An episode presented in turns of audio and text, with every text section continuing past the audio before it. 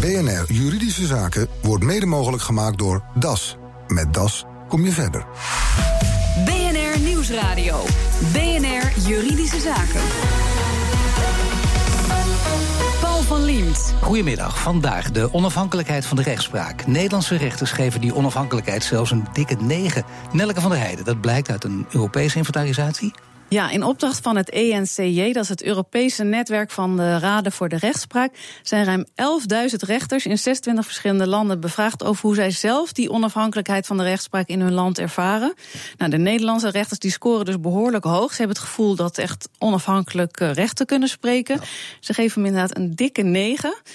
Nou, ze bevinden zich in het gezelschap van nou ja, de geëikte landen, een beetje Scandinavië natuurlijk, Ierland en het Verenigd Koninkrijk. In Oost-Europa ligt het cijfer toch wel een stukje lager. Voor bijvoorbeeld Albanië, Bulgarije, Kroatië, Letland, Servië. Die krijgen ook nog wel een voldoende van hun rechters. Maar dat zit meer rond de 6,5 a 7. Ja, toch dik twee punten lager. Wat zijn de grootste bedreigingen die de rechters tegenkomen? Nou, uit het onderzoek blijkt dat overal de rechters weinig vertrouwen hebben in het proces van benoemen en promoveren van rechters. En ook de invloed van politiek en media op de rechtspraak is een belangrijk punt van zorg. Ja, dat dacht ik wel, daar gaan we het over hebben. Dankjewel, Nelleke. Ik leg het allemaal voor aan de Nederlandse Raad voor de Rechtspraak en voorzitter Frits Bakker. Hij is de gast in onze studio in Den Haag. En aan Leni de Groot van Leeuwen, hoogleraar rechtspleging aan de Radboud Universiteit te Nijmegen, de gast hier in Amsterdam. Ja, een ruime negen. Zit het echt zo goed, eh, meneer Bakker, met de Nederlandse rechtspraak? Dag meneer Verliemt. Ja, uh, wij denken dat het inderdaad behoorlijk goed zit met de Nederlandse rechtspraak. En dat uh, de rechters ook terecht uh, een goed gevoel hebben over hun onafhankelijkheid. Ja, terecht een goed gevoel over hun onafhankelijkheid. Maar er hoort altijd een maar achter volgens mij, hè? Nou ja, het is wel des rechters om inderdaad snel ergens een maar achter te zetten. Nuance, nuance, nuance. Uh, natuurlijk zijn er altijd nog verbeterpunten uh, mogelijk. Zal ik er eentje noemen? Bijvoorbeeld, uh, misschien niet helemaal tevreden met hoe taken onder rechters worden verdeeld? Nou, um... nou, laat ik een andere noemen. Professionele ja, standaardisatie in strijd met, is misschien wel in strijd met maatwerk. Ja, dat, dat is er eentje, dat noemen wij de, de interne onafhankelijkheid. De mate waarin je bij de, beoorde, bij de beoordeling van uh, individuele zaken uh, echt helemaal in onafhankelijkheid kunt beslissen. En daarbij word je ook beïnvloed intern door allerlei regels die rechters zelf maken. om te zorgen dat uh, er overal in het land ongeveer op dezelfde manier wordt rechtgesproken. En als je daar dan een keer wil uh, af uh, van wijken, ja, dan loop je het risico dat er een collega zegt: hé hey joh, dat zouden we toch niet doen in verband met de rechtseenheid. dus ook intern is er soms onafhankelijkheid te bevechten. Dus soms kan het zo zijn dat je in Maastricht anders beoordeeld wordt voor dezelfde zaak door een rechter dan in Groningen. Dat komt voor. Rechters proberen dat zoveel mogelijk te voorkomen. In het procesrecht door allerlei processuele regels landelijk af te spreken. Maar bijvoorbeeld ook in het strafrecht door voor strafmaat oriëntatiepunten af te spreken. Waarin rechters zeggen van nou dat is ongeveer wat wij voor een uh, moordzaak of een verkrachting of ja. een verkeerszaak opleggen. Nou noemde ik ook het benoemings- en promotieproces uh, uh, op de Nederlandse rechtspraak. Drukt dat op de Nederlandse rechtspraak? Nee, ik denk dat wij daar eigenlijk heel erg vrij van zijn. Uh, maar het is wel grappig. Ik had toevallig vanmorgen een delegatie van uh, de Bulgaarse Raad voor de Rechtspraak op bezoek. Ja. Om uitgebreid te informeren naar hoe dit systeem bij ons werkt. En toen zei die Bulg een van die Bulgaarse rechters op een gegeven moment tegen mij: Ik ben jaloers op u, dit moet u echt vooral zo houden.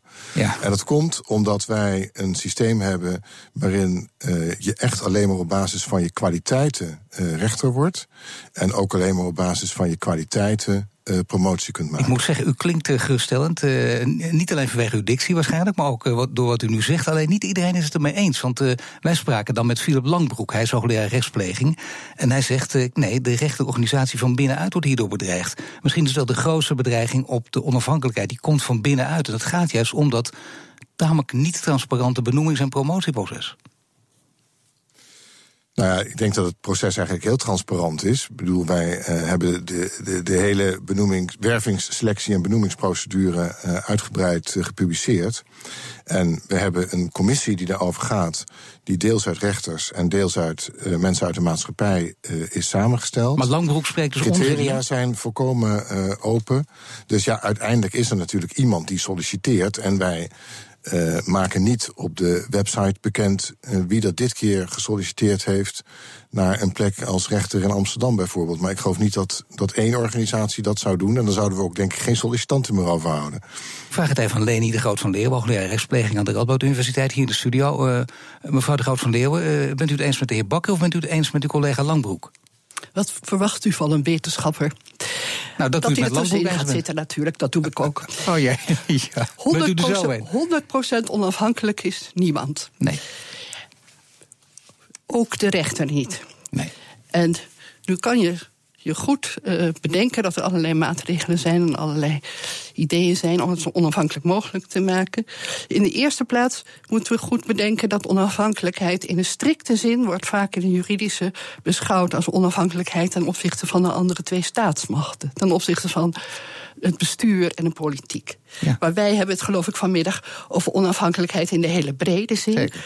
Dus we hebben het over een ongebondenheid. Een gebondenheid alleen aan het recht. Ongebondenheid bestaat ook niet helemaal voor 100%. Dus in die brede zin bestaat het niet. Hoe, maar je kunt alleen maar proberen op heel verschillende niveaus die onafhankelijkheid te optimaliseren, te realiseren. Dat kan op institutioneel niveau en dat doet de Raad voor gebruikt de wel Raad. heel veel lastige woorden nu achter elkaar, zeg. Maar zijn we nou, mag, ik, mag ik even wat simpeler? Zijn we nou onafhankelijk of niet eh, als rechters in Nederland? We zijn verhoudingsgewijs, als je het bekijkt in vergelijking tot andere landen. Dat hebben we met het onderzoek ook gehoord. Maar dat hebben we in dat we- onderzoek gehoord. Maar bent u het daarmee eens? Wat in dat onderzoek staat is waar ook. Dat we bij de landen horen die het beste scoren qua onafhankelijkheid. Nou, in dat onderzoek staat, hebben we het over subjectieve onafhankelijkheid. Dat wil zeggen de Oh, perceptie van rechters. En het is natuurlijk heel begrijpelijk dat de rechters eh, zichzelf als onafhankelijk wa- waarnemen. Maar zien ze dat goed? En dat, dat, ja, dat zien ze goed, maar ze zouden nog wel meer kunnen kijken naar dat deel waarin ze toch wellicht de kans lopen om. Eh, niet geheel neutraal recht te Hey, spreken. en welk Bijvoorbeeld toch deel- rekening ja. te houden op een individueel niveau met hun carrière. Het is bijna niet mogelijk, ook voor mij niet, bijvoorbeeld, Ja. om niet heel stiekem in je achterhoofd, en dat is dus op dat individuele niveau, hè, dus op het niveau van iedere rechter, toch eens even te bedenken van eh, hoe valt dit in, binnen de grotere groep van rechters? En daar eventueel rekening mee te houden. Nou, Zo het meneer ook Bakker, zijn- is toch het is een klein puntje. Maar toch, bent u het daarmee eens dat dat heel erg lastig is, dat laatste? Nou, nee, ik ben het wel eh, met eh Leni de Groot eens dat eh, echte 100% ongebondenheid, die zul je moeilijk kunnen realiseren. Ik vind het ook goed dat rechters zich daarvan bewust zijn. En eigenlijk zijn ze dat ook. Mij verbaast dus niet dat, 90, dat rechters in Nederland voor 90% zeggen onafhankelijk. Omdat ik denk dat zij zichzelf ook realiseren dat er altijd invloeden zijn. eh, van buitenaf of van binnenuit. eh, die je ongebondenheid eh, kunnen bedreigen. Maar ik ben er wel stellig van overtuigd dat eh carrière-motieven daarbij in Nederland geen rol spelen. Is dat zo? Bent u er ook van overtuigd? U twijfelt nog Misschien- een beetje?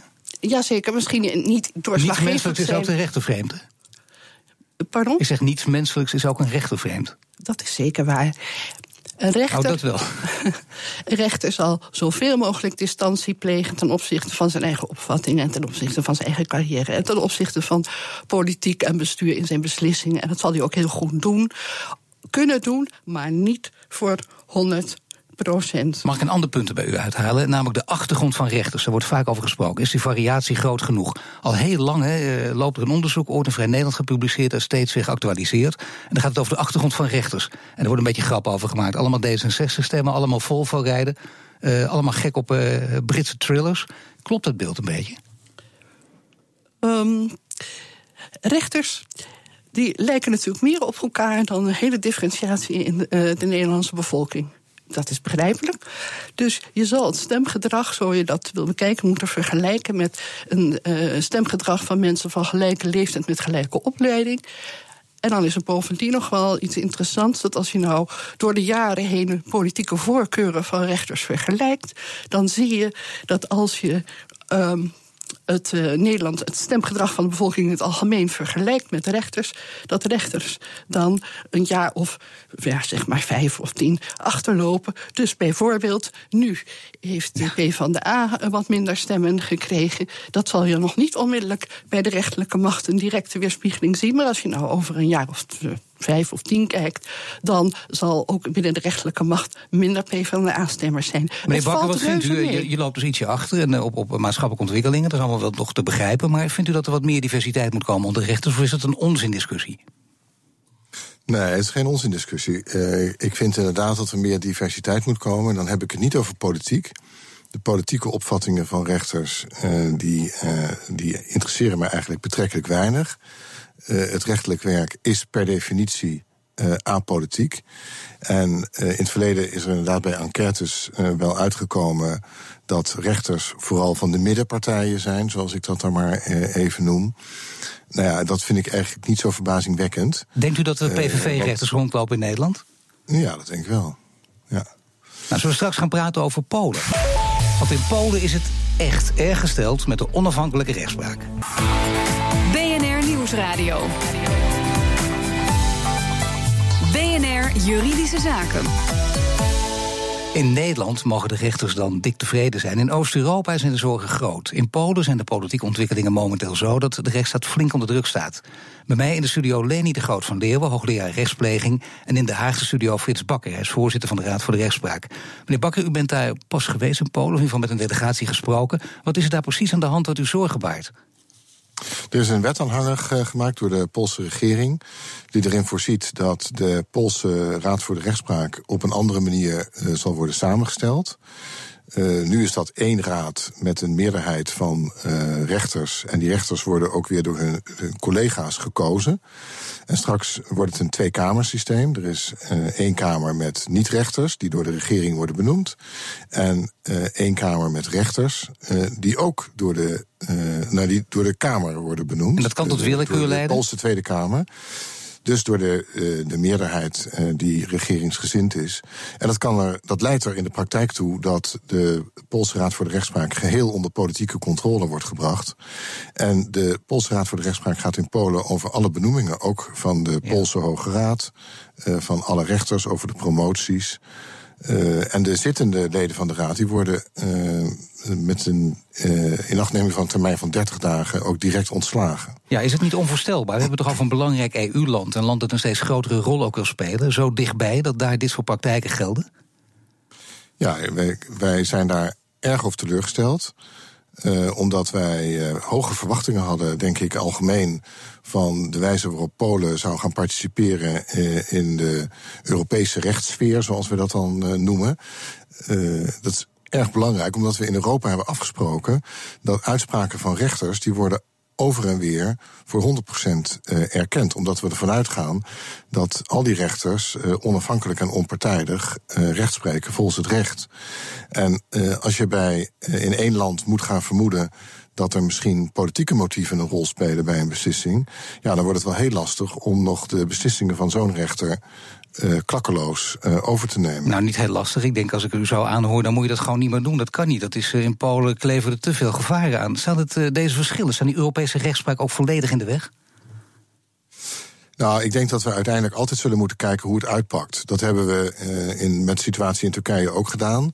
Uh, er zijn bijvoorbeeld uh, rechters geweest die hebben gezegd: ja, na wat er in Turkije gebeurd is, kan ik niet meer zomaar een uh, arrestatiebevel uit Turkije ten uitvoer leggen.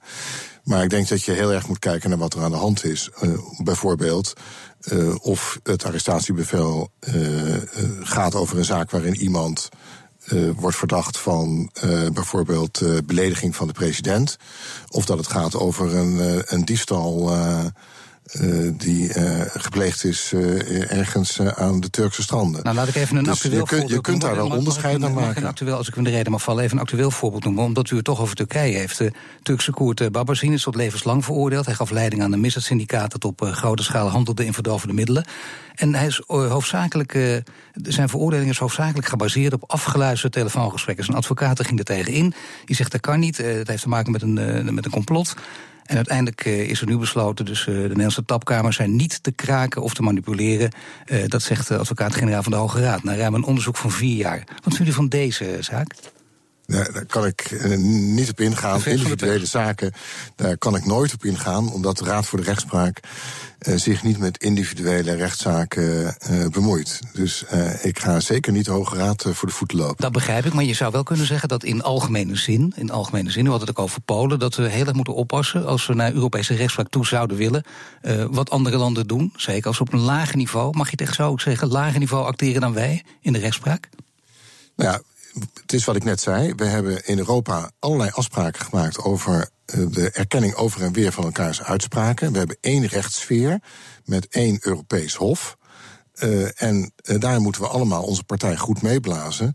En die ene rechtssfeer die komt onder druk te staan als er in landen die daar deel van uitmaken, en dat is voor Turkije overigens wel anders dan voor Polen, want Polen is lid van de EU, uh, als één land de, de regels verandert intern. Wat vindt u daarvan, mevrouw de Groot van Leeuwen?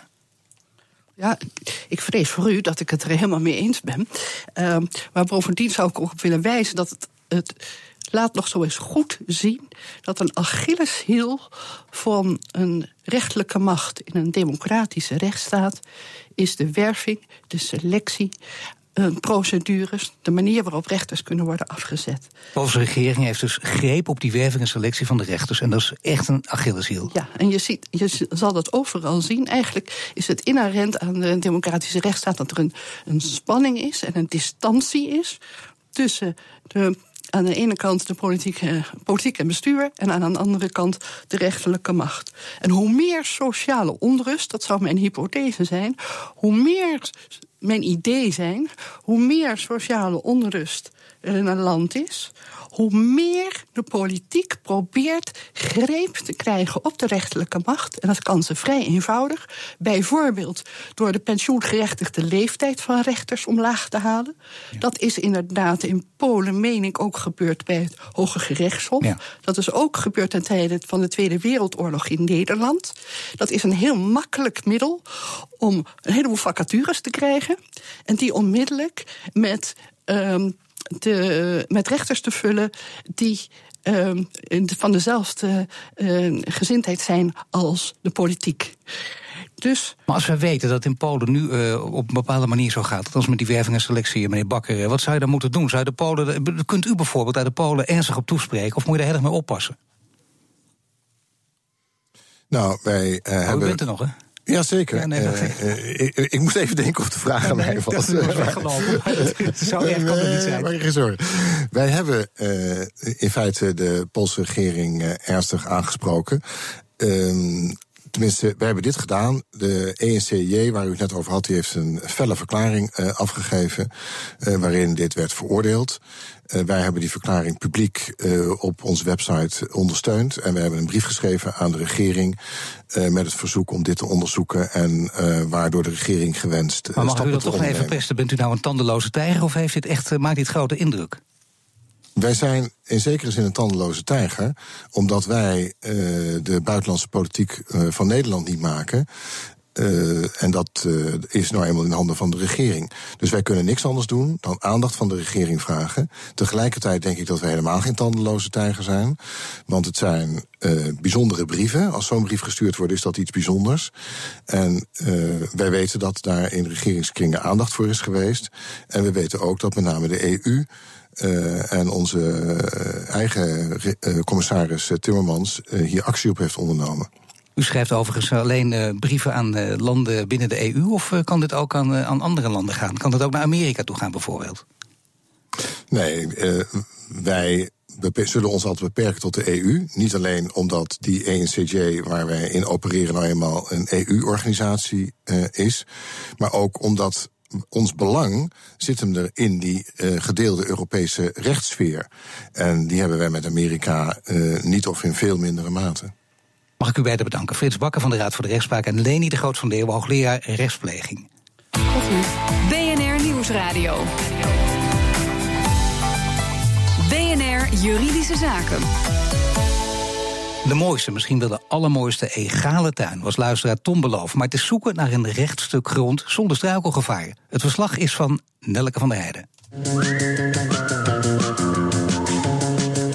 Dus je hebt tegels in de tuin laten leggen. En wat je nu ziet is eigenlijk een beetje een glooiende massa met verschillen in hoogte. En ook echt grote verschillen hier en daar. Wat is nou allemaal precies misgegaan in de tuin?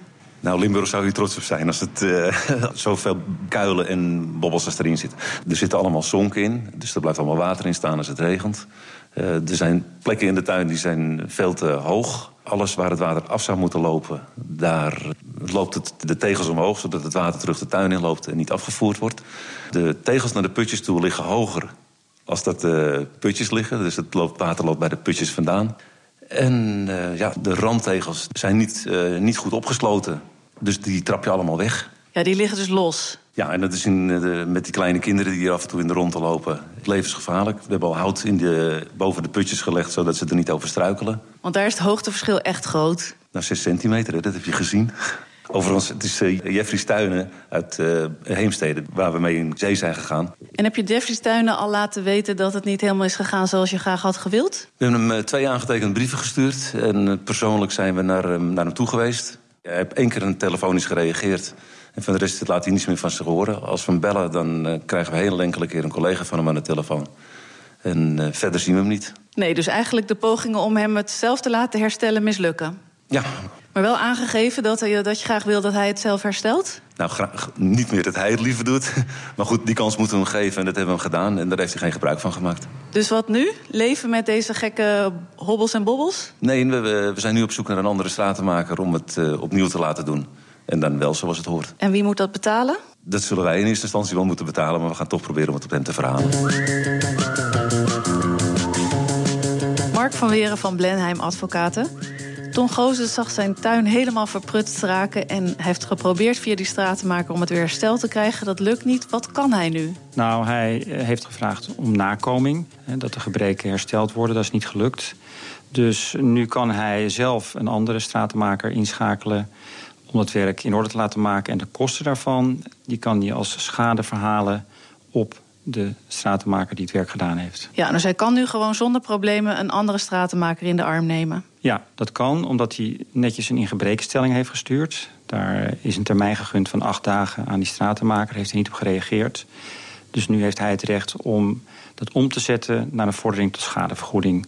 En als, als die stratenmaker dat niet betaalt, dan kan hij daar eventueel mee uh, naar de rechter toe. Maar dat kost hem waarschijnlijk wel aardig wat geld. Ja, dat is bij een, een vordering van rond de 1000 of 2000 euro is dat natuurlijk lastig, want je moet kosten maken. Je kan proberen via een digitale procedure dat te doen. Via rechtspraak.nl kan dat bij de kantonrechter. Maar dan moet dan de tegenpartij meewerken. En als die dat niet doet, dan kan het via een deurwaarder. Een advocaat is dan toch vaak al te duur voor zo'n vordering. Of het kan eventueel via je rechtsbijstandverzekering als je die hebt. En dan kan de rechtsbijstandverzekering die procedure starten. En anders zou je eventueel dus een deurwaarder in kunnen schakelen... die gewoon voor jou aan, het, aan de slag gaat? Of heb je daar ook een rechter voor nodig? Uh, nee, daar heb je geen rechter voor nodig. Je kan inderdaad direct naar een deurwaarder. En die kan een uh, sommatie uitbrengen om te betalen. En doet de stratenmaker dat niet, dan kan ook die deurwaarder een eenvoudige dagvaarding maken en de procedure aanbrengen. En de kosten van die deurwaarder die zijn lager dan een advocaat. En dat is in deze zaak denk ik wel passend. Bij advocaat Mark van Weren was dat in een verslag van Nelke van der Heijden. We hebben Jeffrey Stuin natuurlijk gevraagd hierop te reageren, maar ze hebben niks van zich laten horen. Heeft u ook een juridische vraag? Mail hem naar juridischezaken.bnr.nl. En dit was de uitzending voor vandaag. U kunt de show terugluisteren via bnr.nl slash juridische zaken. Mijn naam is Paul van Diemt. Tot de volgende zitting. BNR Juridische Zaken wordt mede mogelijk gemaakt door DAS. Met DAS kom je verder.